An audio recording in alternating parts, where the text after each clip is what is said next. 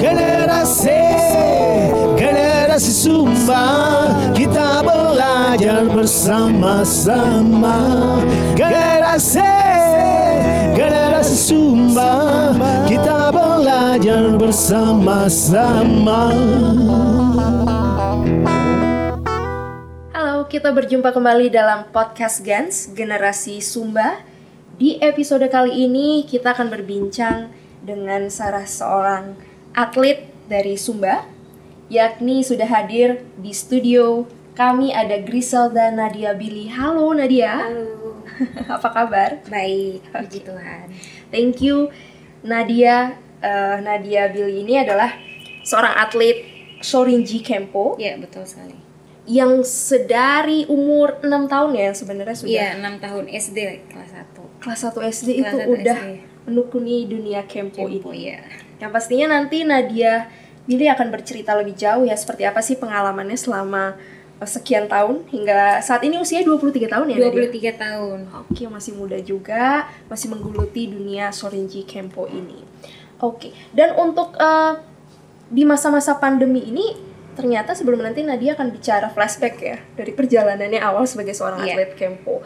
Kamu baru-baru ini juga sempat mengikuti dua kejuaraan ya, eh, Nadia Iya, ya? betul dua kejuaraan pada bulan Juni, kejuaraan virtual Tandoku Mhm. yang diselenggarakan oleh PB Perkemi dan yang kedua Agustus kemarin yaitu Piala Menkominfo Oke. secara virtual juga. Oke, itu menarik ya. Jadi Iya. Masa pandemi ini kita physical distancing, tapi kejuaraan untuk eh, lebih spesifiknya ini untuk So- eh, Sorinji Kempo ini tetap terlaksana dan terbukti nih Nadia sudah mendapatkan gold medal juga dua kali ya Dua untuk Embu Tandoku. Yang pertama itu di Kejurnas eh, Tandoku Virtual Sorinji Kempo PB Akemi Iya. 2020 tepatnya bulan Juni. 2020 lalu. Kemudian uh, gold medal juga untuk uh, Embu Tandoku pada kejurnas Tandoku Virtual Solenji Kempo ini per- uh, persembahan dari Piala Menkominfo 2020. Iya.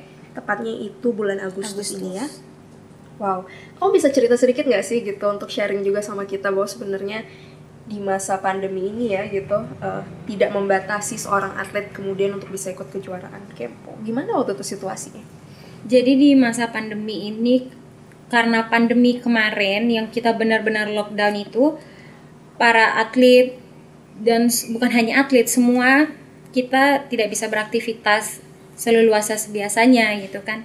Jadi kami para atlet dapat vakum latihan di dojo di tempat kami masing-masing. Jadi kami latihan sendiri, workout sendiri di rumah masing-masing. Nah, semenjak mulainya new normal, Uh, kami udah mulai bisa latihan dan seperti lapangan renon, pantai itu sudah mulai bisa dibuka. Jadi kami bisa kembali untuk latihan fisik, untuk menjaga stamina kami sebagai seorang atlet. Di samping itu ternyata dapat info dari pusat PB Perkemi akan menyelenggarakan kejuaraan secara virtual. Namanya nomor Embu Tandoku. Jadi nomor Embu Tandoku ini adalah nomor perorangan yang dilakukan secara sendiri gerakan-gerakan dasar atau kihong disebutnya dalam kempo dilakukan secara sendiri tanpa ada pasangan. Tapi itu secara virtual nanti. Wasit pun akan secara virtual. Nah, dari situ ini nomor baru dalam kempo karena di kempo biasanya yang dipertandingkan hanya nomor embu berpasangan dan randori. Tapi ini di kejuaraan ini memang nomor yang sangat baru dipertandingkan gitu kan. Jadi di sini kami mulai latihan fisik, latihan teknik untuk mempersiapkan kejuaraan PB Perkemi itu. Setelah itu dapat info lagi bahwa PB Perkemi kerjasama dengan Menkominfo untuk menyelenggaraan kejuaraan yang lebih besar dari yang sebelumnya dengan Menkominfo dan ada bonusnya gitu kan. Jadi kami latihan mempersiapkan lebih matang lagi dari kejuaraan kemarin. Latihannya ditambah tapi masih dengan eh, protokol kesehatan. Kami tetap masih menjaga jarak, masih menggunakan masker gitu. tapi kalau kami latihan tuh sebelumnya tetap harus mengikuti protokol kesehatan cuci tangan dan segala macam itu kami tetap seperti itu Selain secara teknis memang ada perbedaan gitu, menyesuaikan dengan masa pandemi dan social distancing gitu. Eh, seperti apa atmosfernya ketika nggak ada audiens ya berarti waktu itu ya? atmosfernya pada saat kita bertanding Betul. secara virtual ini Mhm. eh, ber- rasanya memang beda gitu ya. tapi saat kita sudah di tengah lapangan ternyata bermain dan dikelilingi kawan-kawan dan pengurus-pengurus kampus sebagian datang gitu kan tidak berbanyak gitu tetap saja rasanya kita bikin gimana caranya kita bikin eh, keadaan kita bertanding kondisi seperti itu sama dengan kita bertanding di gor besar. Kita harus bikin aura di kami bertanding tuh sekuat mungkin seperti kami bertanding di gor besar yang ditonton banyak orang. Jadi tetap eh, rasanya itu sama dengan kami bertanding gitu. Tidak ada yang membedakan sama sekali gitu. Kualitas. bahkan kalau dibilang grogi pun tetap grogi gitu. Oke, sama walaupun ya. secara virtual gitu. Oke. Cuma masa kendalanya sedikit ya kalau di kejuaraan virtual ini sinyal. Oke. sinyal macet-macet dan segala macam itu. Tapi puji Tuhan kemarin lancar-lancar saja gitu. Tidak ada halangan. Mungkin kalau dari daerah lain mungkin wajar ya sinyal dan segala macam. Tapi puji Tuhan kami kemarin yang kejuaraan pertama dan kedua lancar. Dan di kejuaraan virtual yang Menkominfo kemarin Bali merebut juara umum satu Wow, juara biasa. umum satu Dan itu diwakili oleh kami. Oke. saya salah satunya Mhm. dan kawan-kawan Oke, menarik menarik. Itu tadi kita di awal sudah bicara tentang satu pengalaman yang menarik juga gitu, mengikuti satu kejuaraan uh, Sorinji Kempo secara virtual karena memang kondisinya di tengah masa pandemi. Kita flashback sedikit Nadia Iya. gitu.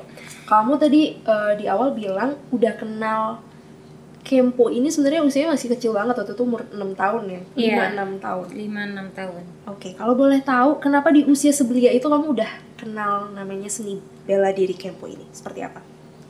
Kempo ini pertama dikenalkan oleh ayah saya, Frederick Billy. Dia yang dia adalah seorang Kenshi Kempo, atlet Kempo pada saat dia masih muda. Sampai sekarang dia masih menjadi pelatih dan pengurus. Seorang pelatih dan pengurus. Dari situ waktu saya kecil ayah saya masih eh, menjadi seorang atlet. Menji- masih menjadi seorang atlet dan samping itu setelah itu dia pensiun jadi seorang atlet dan menjadi pelatih Oke. di situ saya diarahkan tidak ada paksakan paksaan sama sekali itu tidak ada diarahkan untuk uh, ikut kempo dalam rangka mungkin mengisi kegiatan positif aja gitu kan di samping sekolah diarahkan ke sana untuk mengikuti latihan kempo. Sampai di tempat latihan banyak uh, kawan-kawan dan teman-teman yang seumuran saya ikut kempo juga. Jadi bukan hanya yang uh, muda-muda yang umur 20-an itu nggak ada. Tetap aja dari yang umur kecil-kecil gitu sebaya-sebaya saya itu ada.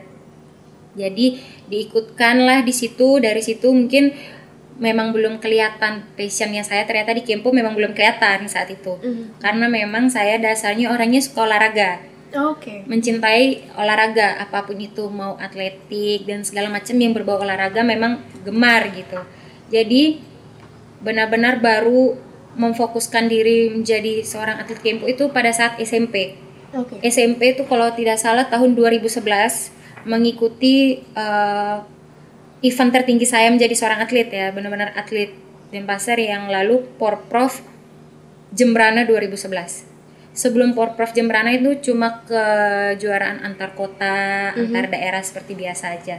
Tapi menurut saya benar-benar di situ saya mengikuti TC dan eh, TC sentral itu 2011 mengetahui kehidupan para atlet kita di karantina nginap mengikuti la- pola latihan pagi siang sore malam kayak bagaimana itu baru merasakannya benar-benar jadi seorang atlet 2011 mengikuti Porprov Jembrana itu Wow. Itu waktu SMP ya? waktu SMP baru benar-benar menekuni dan dapat passionnya di Kempo ternyata Apa yang membuat kamu waktu itu di usia yang remaja itu tahu oh ini nih passionnya gitu? karena dari kejuaraan-kejuaraan yang saya ikutin nyambung gitu dan saya dapat gitu kan gerakan yang saya lakuin dan segala macam itu dapat di saya seperti itu. Jadi dari sebelum-sebelumnya kalau kita kecil kan ih juara nih gitu. Jadi ada semangat lagi pengen ikut. Ternyata kita di kejuaraan ini dapat juara. Kalaupun tidak juara satu kita dapat juara dua juara tiga itu masih kecil-kecil udah seneng banget gitu kan punya prestasi. Jadi kita ikut ikut lagi dong Nadia mau ikut latihan lagi seperti itu sampai akhirnya dapat pemanggilan untuk menjadi seorang atlet itu pada saat SMP Oke. di situ baru dibilang Nadia dipilih menjadi seorang atlet Officially, secara resmi secara resmi untuk atlet Kempo Denpasar Wow. mewakili Denpasar pada saat Porprov Jembrana 2011 Mhm, mhm, mhm. Dan akhirnya bergulir sampai sekarang. sekarang. Oke. Dan di usia sedari awal itu kan sebenarnya coba-coba banyak hal juga ya. Artinya Iya. olahraga yang lain juga. Olahraga olahraga lain apa aja selain kempo sebenarnya? Atletik. Mhm. Zaman-zaman kecil itu pada saat kecil atletik, lari oh, anak kecil yang suka ya. Itu pernah ikut Porjar SD itu dapat ikut. Kalau sekarang belakangan-belakangan ini basket ya. Pada saat SMP SMA basket. Kalau pas kecil-kecil atletik. Mhm. Itu gemar sekali lari. Di usia segitu gitu, ketika anak kecil mungkin bermain dengan dunianya yang apa ya, yang yang colorful dan lain sebagainya, kamu sudah dengan dunia seorang atlet gitu. Kebahagiaan apa dan kepuasan apa yang kamu dapat di usia segitu gitu? Mungkin kebersamaan dengan teman-teman atau ternyata justru eh, proses membentuk pola pikir dan kedisiplinan yang kamu suka sebenarnya di usia itu seperti apa sih? Pada saat SMP. Iya, pada atau saat- SD atau waktu kecil-kecil itu. yang dirasakan pada saat menjadi seorang atlet di tingkat SMP yang lalu memang ada suka dukanya. Setelah itu masih masih masih zaman sekolah, kuliah eh sekolah seperti biasa. Itu ada dispensasi saat sekolah itu dukanya mungkin di situ. Tapi nilai mungkin berpengaruh seperti itu kan. Tapi di samping itu sisi positifnya ada prestasi dan penghargaan kita gitu. Dari apa prestasi yang kita dapat, kita kumpulin untuk kita mencari sekolah di tingkat SMA yang saya mau seperti itu yang lalu. Nyari di sekolah SMA 5 memakai sertifikat-sertifikat Porprov yang lalu karena menurut saya yang tertinggi saat itu sertifikat saya Porprov. Kebetulan saya juara di Porprov Oke. Jembrana 2011 yang lalu. Sertifikat itu saya gunakan untuk mencari sekolah di SMA 5 yang lalu. Di situ saya keterima melalui sertifikat dan melalui prestasi Kempo. Di situ akhirnya saya membangun dojo eh, dojo SMA 5 Kempo di sana. Jadi pengalaman kamu sedari kecil itu membuka peluang kamu untuk bisa katakanlah memasuki institusi yang memang kamu harapkan. Iya. Seperti eh, sekolah SMA itu ya mungkin Iya. sekolah favorit waktu Sekolah itu. favorit pada Dan saat kamu itu. dapat privilege dengan membawa beberapa itu ya Sertifikat. dan prestasi di Sorinji Kempo. Kempo. Oke. Kita mungkin specifically bicara tentang Kemponya sendiri. Iya. Kempo itu seni bela diri. gitu. Seni Mungkin bela diri. banyak juga yang belum tahu secara lebih spesifik, lebih detail, merinci dan filosofis gitu. Bisa dijelasin nggak sih perbedaan sebenarnya Kempo ini sebagai seni bela diri dengan seni bela diri lainnya itu seperti apa sih, Nadia? Bela diri Kempo ini eh, bukan sekedar hanya bela diri.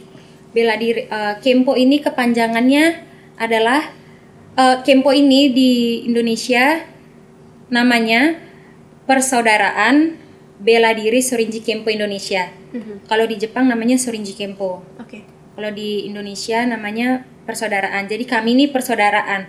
Kami memang bela diri tapi kami persaudaraan.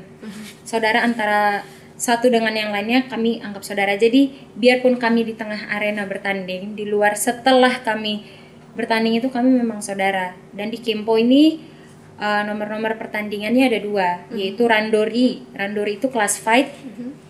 Dan yang kedua itu embu embu berpasangan atau embu beregu. Itu yang dimainkan adalah kesenian.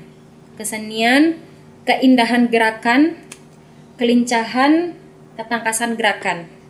Itu yang dimainkan dalam embu berpasangan atau embu beregu. Kalau randori adalah fight-nya. Oke. Menarik ya. Jadi sebenarnya eh, kalau tadi mendengar kamu sempat bilang ini sifatnya persaudaraan gitu. Jadi Iya, bukan betul. sesuatu yang individualistis, memang sifatnya kolektif lah atau komunal gitu. Ada semangat eh, persaudaraan satu sama lain. Seperti apa persahabatan kamu misalnya yang terbentuk dengan grup atlet yang lain di Sorenji Kempo selama ini? Bisa cerita suka dukanya mungkin. setiap eh, untuk di tim kami ya yang di Bali nih kami memang melewati banyak cobaan gitu kan suka duka selama kami latihan capek itu udah pasti selama latihan bosan dan segala macam. Di samping itu kami membangun eh, chemistry kami itu seperti kalau kami bosan latihan kami tetap latihan fisik atau latihan secara eh, pergi ke pantai gitu. Pergi ke pantai kalau kami bosan di tempat latihan seperti itu. Kalau kami bosan latihan ke pantai tapi kalau untuk menjalin eh, persaudaraan yang baik dengan eh, saudara-saudara kami yang di provinsi lain mungkin contohnya ya ketika uh, kami datang ke provinsinya mereka mereka tahu kita kontak mereka diajakin latihan bersama di sana gabung join latihan bersama di sana seperti itu. Dikenalin ini tempat latihan kami seperti ini kayak gitu. Jadi kami memang harus menjalin hubungan baik antara saudara kami masing-masing provinsi. Jadi set- jadi kalau ada kejuaraan nasional kami ketemu nih akrab sekali kayak susah mau pisahnya gitu kan telanjur senang nyaman sama mereka-mereka ini gitu kan bener-bener kayak saudara jadinya gitu Itu bentuk persaudaraan. yang persaudaraan sebenarnya seperti itu tadi kental yang- sekali dalam perkemi itu ya persaudaraan bela diri Sorinji Kempo. Indonesia dan itu memang sifatnya udah nasional ya seluruh Indonesia ya Iya. membawahi para atlet Kempo di Indonesia. iya Oke. Tadi kamu juga sempat menyebutkan gitu eh, ada embu juga gitu. Iya. Ini yang berpasangan ya kalau misalnya dalam kejuaraan Kempo. Dan di situ yang ditonjolkan adalah kesenian atau keindahannya. Jadi ada keharmonisannya gitu ya. Iya. Yang coba di ditawarkan bukan semata tentang bagaimana jurus saja, tapi bagaimana kamu kompak dengan teman-teman kamu. Bisa cerita nggak sih eh, menariknya seperti apa sih ketika kamu berkompetisi dalam bentuk embu ini, dalam segrup embu ini? dalam embu beregu salah satunya ya Ber- embu beregu yang terdiri dari empat orang empat orang ini mempunyai sifat dan kara- karakteristik yang berbeda-beda Jadi kami kalau dalam beregu tuh harus punya satu tujuan untuk menyamakan empat kepala ini, empat sifat orang ini jadi satu itu memang susah ya. Jadi di samping itu untuk kam- eh, yang paling penting itu sebenarnya chemistry. Sebelum kami bertanding itu yang paling penting chemistry. Karena kalau kami latihan sudah satu tujuan, satu hati, pasti latihan akan mengalir dengan baik dan akan mendapatkan hasil. Jadi kami tidak boleh ada yang terlihat menonjol lebih gitu dalam beregu untuk menyelaraskan empat pemikiran kami itu butuh waktu yang lumayan lama gitu kan. Ya salah satunya lah hal paling kecilnya kita latihan tambahan sendiri di pantai berempat gitu untuk menyatukan persepsi kita kita nanti beregu harus begini gitu biar kompak satu tujuan lah nantinya sehingga pas latihan itu mengalir dengan baik dan hasilnya pun nanti maksimal dari kita untuk kita juga gitu seperti itu Oke, menarik ya. Jadi di situ juga tercermin bagaimana persaudaraan kamu ya berempat Betul. itu yang coba ditampilkan ketika kamu eh, dalam regu embu ini ya. Situ empat harus hati jadi satu betul. Jadi memang harus harmonis ya. Harmonis betul-betul paling penting. Harus pandai-pandai menekan ego dan ego dan segala macam itu dihilangkan Oke. Lalu ada randori itu ya yang kelas beratnya ya. kelas fight-nya Fight-nya ya. Dan kamu sekarang itu tingkatannya adalah eh, sebagai untuk yang pemegang sabuk hitam 3 dan ya. iya Nah, itu kalau randori sendiri yang membedakan dengan Embu sudah pasti ya karena ini kamu eh, satu lawan satu gitu. Iya. Seperti apa challenge-nya kemudian dan dengan tingkatan kamu sabuk hitam 3 dan ini? kalau di randori ya saya biasanya turun di kalau sekarang saya turun di kelas 50 kg Oke.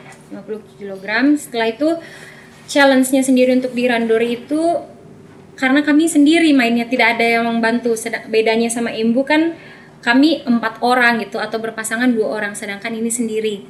Jadi benar-benar ditanggung sendiri, kalah kalah sendiri gitu, menang kepuasan sendiri gitu. Memang latihannya harus kencang kekuatan fisik dan segala macam tuh penting. Challenge-nya adalah gimana caranya kita bisa poin, mengambil poin lawan secepat mungkin. Dan kita harus bisa lebih cepat dari lawan. Sepersekian di, sepersekian detik kita tuh harus lebih cepat dari lawan. Makanya yang dipentingkan dalam randori itu bukan hanya kekuatan tapi kecepatan dan refleks. Refleks itu paling penting dalam randori. Karena kita harus bisa membaca pikiran lawan. Kita lihat dari mata itu bisa. Gerakan badan lawan tuh kita harus bisa cepat tangkap. Makanya kita harus fokus kalau randori itu badan lawan akan menggerakkan apa itu kita harus baca sepersekian detik. Jadi kita tahu kita harus bikin apa itu kita harus tahu. Makanya refleks kaki tangan itu harus penting dalam randori. Bedanya susahnya randori dan embu itu itu. Kalau randori harus hidup semua tangan kiri kanan, kaki kiri kanan harus hidup dan aktif refleksnya. Jadi kita harus mengambil celah lawan sepersekian detik lebih awal Dan seperti itu kecepatan mencari ya, poin biasa. kecepatan ketepatan sasaran itu penting Oke. Dan tadi kamu sebut fokus gitu. fokus Karena refleksnya juga harus tepat gitu. Iya. Selama ini sebagai atlet kempo, bagaimana kamu melatih untuk bisa fokus itu? kalau di kempo kami ada namanya sazen sazen itu eh, kami seperti meditasi kita mengambil nafas sebelum itu dilakukan benar-benar se- wajib sebelum latihan jadi kami sebelum masuk ke kihong namanya kihong itu dalam kempo gerakan dasar sebelum kita kihong itu atau pemanasan kita harus sazen terlebih dahulu. Jadi yang kita habis kerja capek atau aktivitas sebelumnya kita mengambil nafas sazen dulu meditasi sehingga latihannya nanti terfokus terarah sesuai dengan tujuan. Seperti itu. Jadi setiap ada masalah atau apa di luar sana kita nggak boleh bawa ke tempat latihan. Itu gunanya sazen. Jadi kita menetralkan diri kita supaya terfokus latihan kita seperti apa ke depannya seperti itu Oke. buang ego dan segala macam itu penting di situ harus fokus sazen itu dua Dan- menit cukup Bicara soal fokus misalnya lebih jauh lagi gitu. Sebenarnya kan kempo ini bukan sekadar bagaimana cepat untuk hanya menyerang saja, tapi bagaimana bisa bertahan Iya. dan bagaimana mengambil jeda untuk bisa membaca gerak-gerik Lawan. lawan. seperti itu. Iya. Gimana sih sebenarnya es- esensi dari kempo itu sendiri gitu ketika kita memang perlu ada jeda, memperhatikan tapi ketika memang harus sudah eh, melawan ya tetap harus tepat gitu. Seperti apa sebenarnya prosesnya? kalau di Kempo ya, kita kan punya kurikulum buku. Kurikulum buku dalam buku itu kita uh, gerakan dasar ada dan setelah itu ada wasa. Wasa itu bahasa lainnya mungkin jurus ya, jurus-jurus dalam Kempo. Dalam jurus-jurus itu seperti contohnya yang berpasangan. Berpasangan ada yang offense, ada yang defense, ada yang menyerang, ada yang bertahan. Kita dalam berpasangan perannya itu ganti-gantian. Bisa saya menyerang, bisa dia yang menyerang, bisa saya yang bertahan, bisa dia yang bertahan. Tergantung uh, posisi wasanya. Seperti apa wasanya itu kita lakuin. Tapi tidak harus saya yang menyerang terus. Posisi saya bertahan juga pasti ada. Karena kita dalam kehidupan sehari-hari pun nanti itu akan diperlukan seperti itu kan. Kita nggak tahu ya lawan kita akan menyerang dari arah mana, dari depan atau belakang itu kita nggak tahu. Jadi kita harus menguasai semua offense atau defense dalam kempo itu kita harus tahu. Seperti itu Oke. sangat berguna dalam memprotek diri di luar nanti gitu bukan hanya di kempo untuk sekedar mencari prestasi juga enggak gitu Oke. Menarik, menarik. Jadi memang harus balance ya antara Balance. Defense dan offense itu Iya, betul. dalam kempo dan juga mungkin dalam seni bela diri yang lain gitu ya. Iya. Oke. Tapi kalau bicara gitu ya mungkin eh, para pendengar juga eh, sempat menyaksikan beberapa kejuaraan kempo misalnya itu kan sambil teriak-teriak tuh. iya Tapi itu bagian sebenarnya bagian dari kami gitu Eh, eh, itu itu disebut apa dan manfaatnya seperti apa itu? Kalau di kempo saat kami bertanding itu ada luapan semangat kami atau teriakan lah bisa dibilang itu di kempo disebutnya kiai Aha. Kiai itu merupakan bagian dari embu yang akan kita tampilkan. Jadi embu yang kita akan tampilkan itu dalam bentuk teriakan itu teriakan itu bukan sekadar teriakan, tapi teriakan itu merupakan luapan semangat kami saat bertanding.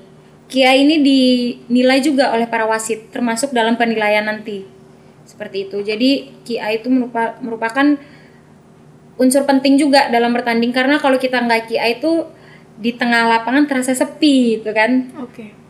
tidak ada permainan-permainan kurang hidup. Sedangkan kalau kita KI ada luapan semangat, permainan kita di tengah itu akan hidup.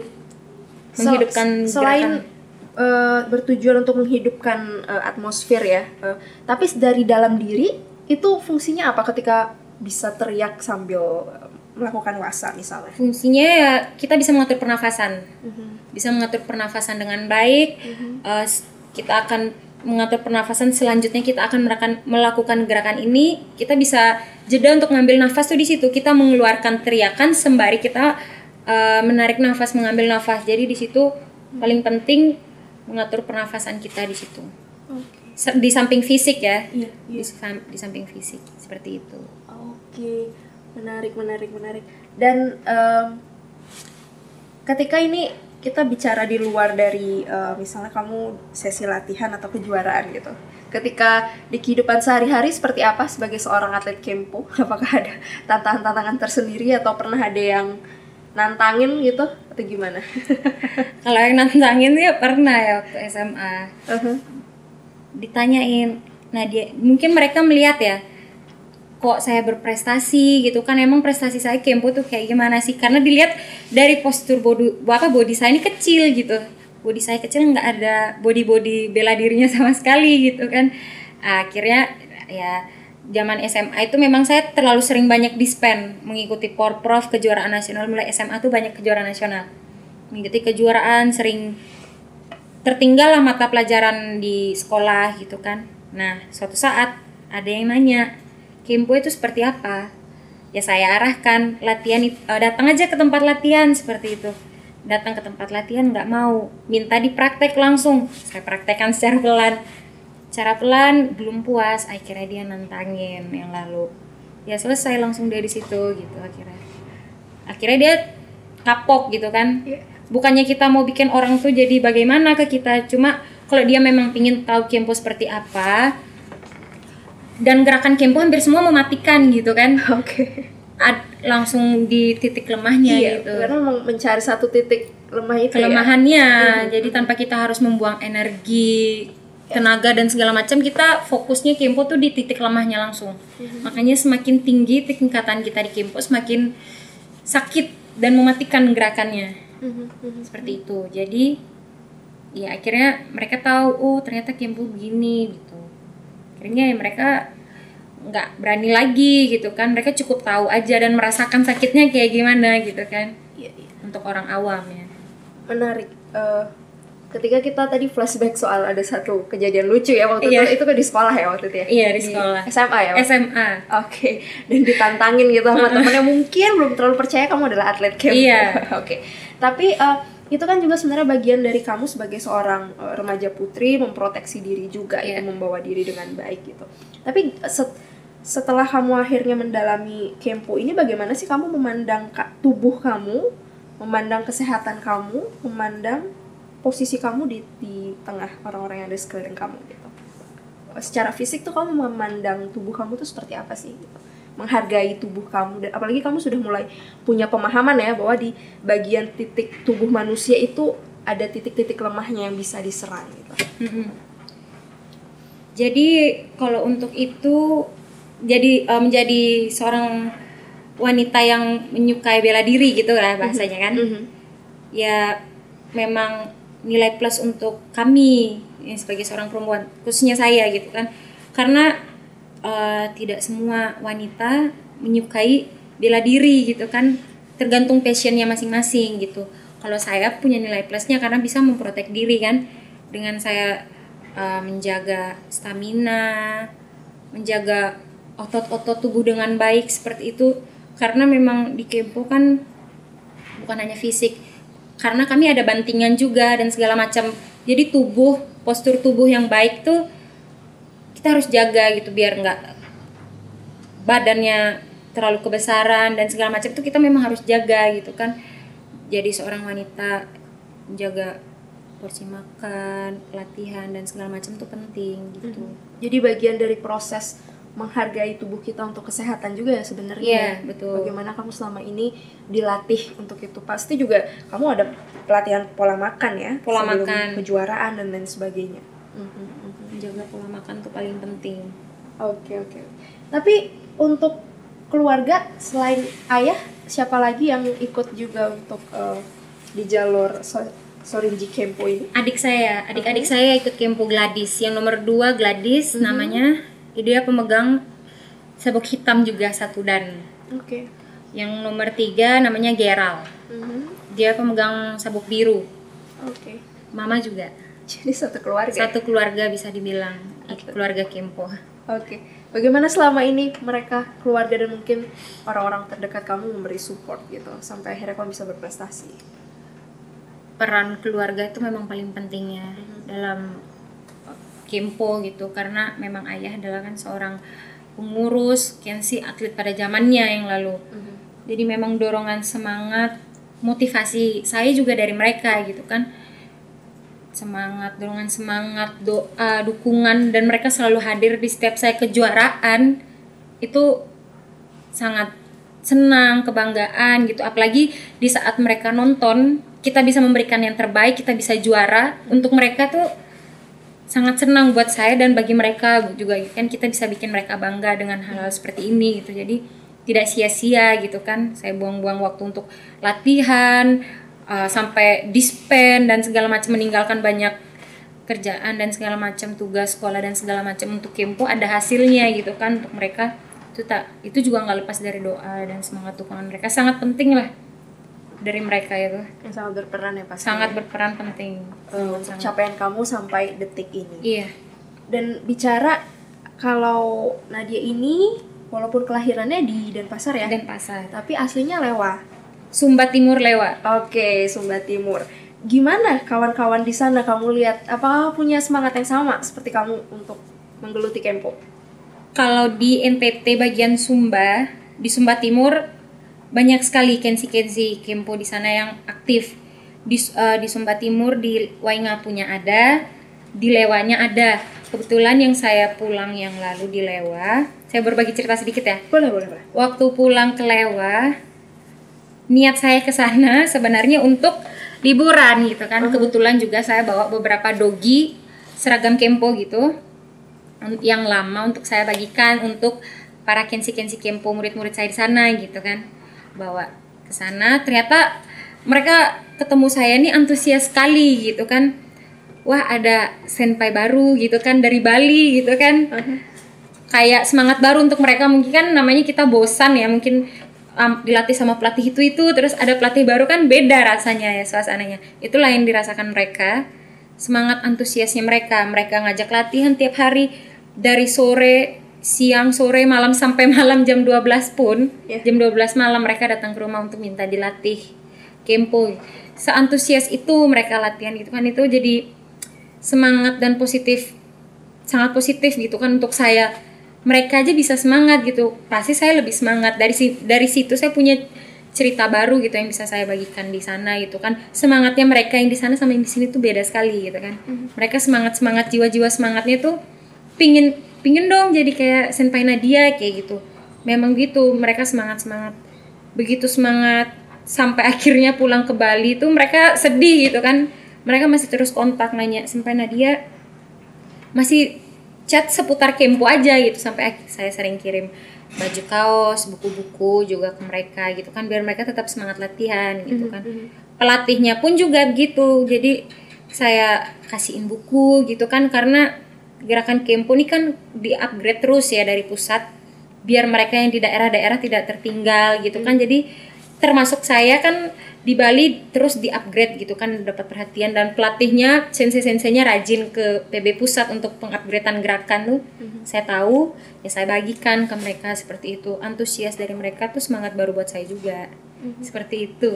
Senang sekali. Pingin pulang Sumba lagi tuh untuk melatih mereka gitu kan. Kayaknya udah ditunggu juga ya. udah ditunggu terus sama mereka. Oke, dengan semangat mereka yang seperti itu, sebenarnya selama ini eh, perkembangan eh, atlet kempo di sana seperti apa? Yang berasal dari NTT terutama? Apa sebenarnya mereka oke gitu? secara umum ya kalau untuk kekuatan map kekuatan Kempo di Indonesia memang paling kuat NTT di Kupang ya di kota Kupang ya mereka me- dari di kota Kupang tuh memang atlet-atletnya uh, beragam macam. Kan mereka seleksi ya ada yang dari Flores Sumba dan segala macam itu kan mereka seleksi. Tapi tempat latihan mereka tuh di Kupang gitu kan dan itu memang latihannya mereka keras gitu kan. Mental mungkin mereka memang udah punya ad- ada gitu dari dulu kan. Mentalnya mereka ya mental kuat lah gitu kan. Mau latihan sekeras apa pun mau pakai kayu mereka akan siap terima dan bahkan mereka minta lebih gitu kan. Karena mereka tahu hasilnya mereka dari itu akan bagus gitu kan. Apalagi NTT udah punya nama. Dari yang dulu kan Kempo NTT memang maju ya dari yang lalu seperti itu. Semangat semangatnya mereka tuh di sana beda sama kita yang di sini. Mungkin ya kalau uh, orang-orang zaman sekarang kalau dilatih dengan kekerasan mentalnya down gitu mereka akan berhenti latihan gitu kan. Kalau mental mental maaf ya kalau anak di kampung itu kan beda sama kita yang di kota gitu kan. Mentalnya akan beda gitu. Jadi semangatnya mereka juga kelihatan lah ada hasilnya gitu dari latihan mereka yang keras tuh. Hasilnya memang memang patut kita ancungkan jempol gitu wah latihan mereka keras sekali gitu. Bahkan sampai di arena pun mereka masih latihan keras gitu di pinggir arena sudah mau masuk arena mereka masih latihan keras gitu. dipantau terus sama pelatihnya gitu. Itu yang membedakan mental. Disiplinan mereka itu ya. mental dan Mental. fisik mereka untuk mau latihan tuh semangat jiwa kerja kerasnya mereka itu. Dan meskipun kamu eh, putri asli NTT gitu, tapi selama ini eh, presentasi dari Bali katakanlah gitu Iya. ya di kejuaraan. Terus bertemu rival-rival dari teman-teman NTT gimana? Su- sulit nggak sih melawan mereka? Kalau saya ya, karena memang saya asli NTT, tapi memang saya membawa nama Bali karena lahir besar di Bali. Untuk eh, membawa nama Bali ke tingkat nasional tuh suatu kebanggaan gitu kan sampai ke tingkat nasional, apalagi sampai di final. Dan di final kita ketemu kekuatan kekuatan di Kempo nih orang-orang NTT ini gitu kan yang mereka memang selalu juaranya gitu. Kita ketemu di final tuh suatu kebanggaan sendiri gitu kan. Iya. Bisa ketemu NTT nih di final berarti kan udah melewati yang banyak nih berapa provinsi kita lewatin gitu kan. Bisa, sedangkan kalau mereka NTT setiap di final kadang mereka mendapat tekanan gitu kan. Gimana caranya mereka harus juara gitu. Sedangkan kalau saya kan nggak ada tekanan gitu ya jadi saya kalau lat- eh, bertanding apalagi di final main plong aja gitu kan main bersih gimana caranya. Main bersih di situ dapat poin cepat selesai gitu tanpa harus ada perpanjangan dan segala macam biar kita nggak usah buang-buang tenaga gitu. Apa yang kita udah latih kecepatan ketangkasan refleks dan segala macam itu kita keluarkan semua di tengah arena pada saat final maupun penyisihan gitu. Apalagi final gitu kan. Itu paling penting sebenarnya kita main plong aja nggak pernah ada beban dan segala macam dorongan harus menang dan segala macam. Cuma itu kan motivasi kita pribadi ya.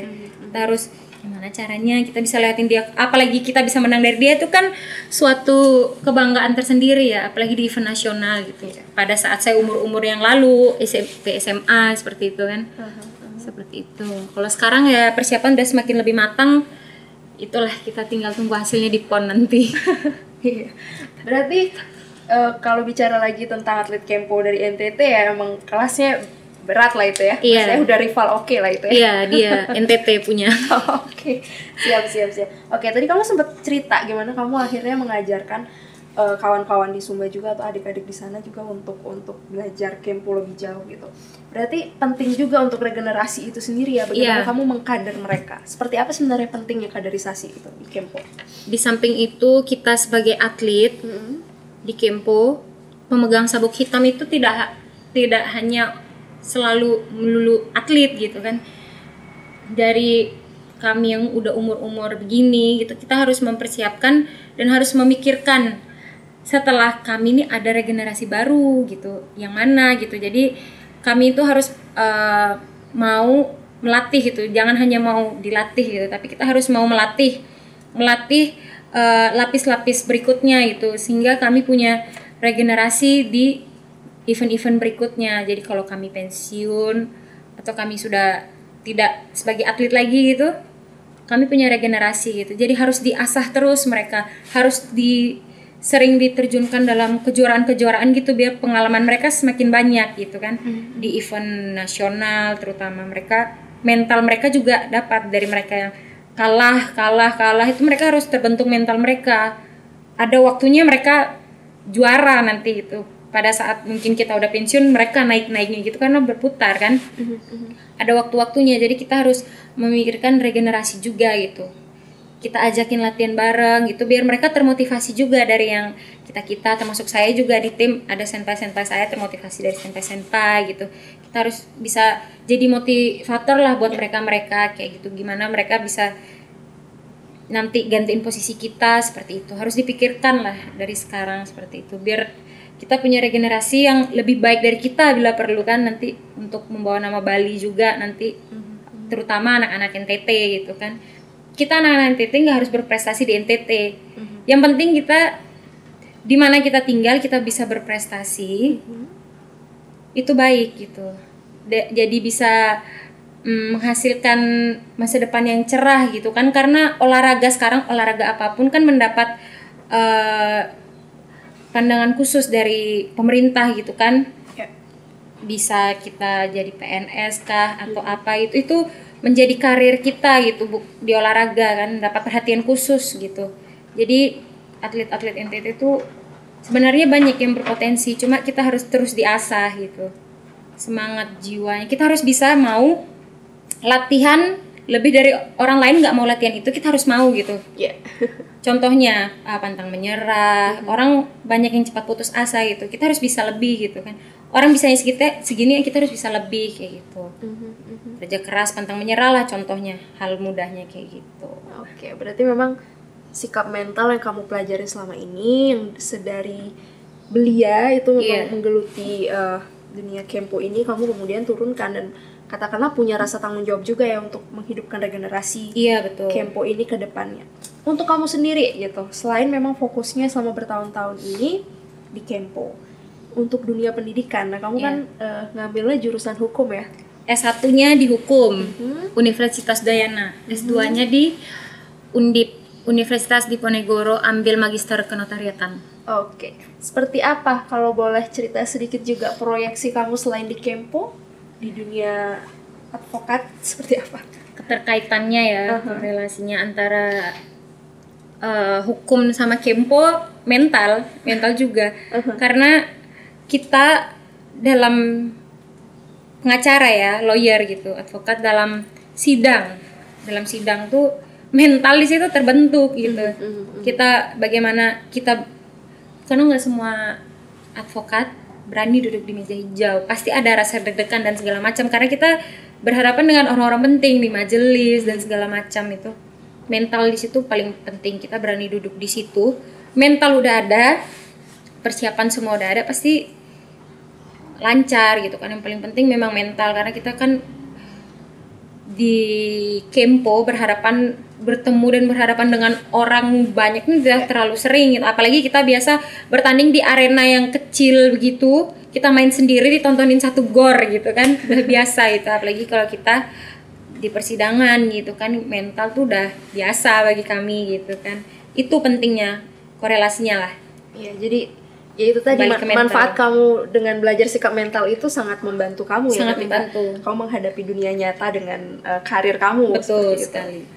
Oke, kamu sekarang bi- bisa kasih pesan apa nih buat kawan-kawan teman-teman di Sumba, terutama perempuan-perempuan atau belia-belia di Sumba untuk menjadi seorang atlet atau mungkin punya semangat yang sama lah dengan kamu sebagai anak muda gitu. ya pesan saya buat eh, generasi-generasi NTT lah yang mempunyai bakat di bidang olahraga khususnya ya bidang olahraga eh, tekunilah semua tekunilah eh, apa yang kalian suka seperti itu. Ditekunin cintai. Cintai dulu olahraga yang kamu tekuni ini apa. Setelah itu baru kamu ngerasain passionnya dan segala macam. Tekuni sampai akhirnya kamu bisa menggeluti lebih lama lagi dan mempunyai prestasi seperti itu. Jadi anak-anak NTT itu sebenarnya banyak punya prestasi. Cuma bagaimana kita mau uh, tetap ada di situ stay memfokuskan diri kita di situ passion kita di situ kita cari di situ. Kita ada peluang nggak prestasi di situ kita harus tahu gitu kan. Harus kerja keras. Memang yang diperlukan itu pantang menyerah kerja keras itu. Apa yang orang lain nggak mau kerjain itu kita harus mau kerjain gitu kan. Jangan yang orang lain nggak mau kita ikut nggak mau gitu. Hal kecilnya tadi yang saya bilang pantang menyerah kerja keras ketekunan doa itu memang paling penting untuk um, mencapai sebuah keinginan yang kita mau lah target kita kita targetnya di bagian apa seperti itu itu khusus di bidang olahraga ya misalnya kayak gitu cintai dulu apa yang kalian suka setelah itu kalian tekuni lebih dalam seperti itu pesannya teruslah berkarya anak muda NTT Indonesia seperti itu wow thank you so much Grisel dan Nadia Billy yeah. yang Iya. sudah berbagi tentang perjalanannya sebagai seorang atlet Terima uh, kasih. Kempo. Terima kasih banyak sudah berbagi cerita kembali kasih di podcast Gans. Terima kasih juga untuk para pendengar yang sudah menyimak ya perbincangan kita hari ini. Jangan ke mana-mana, nanti kita bertemu lagi dalam episode podcast Gans selanjutnya. Bye-bye.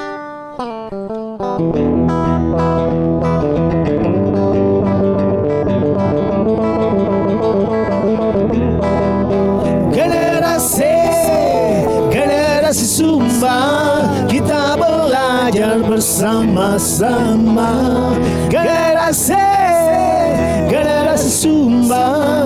Kita belajar bersama-sama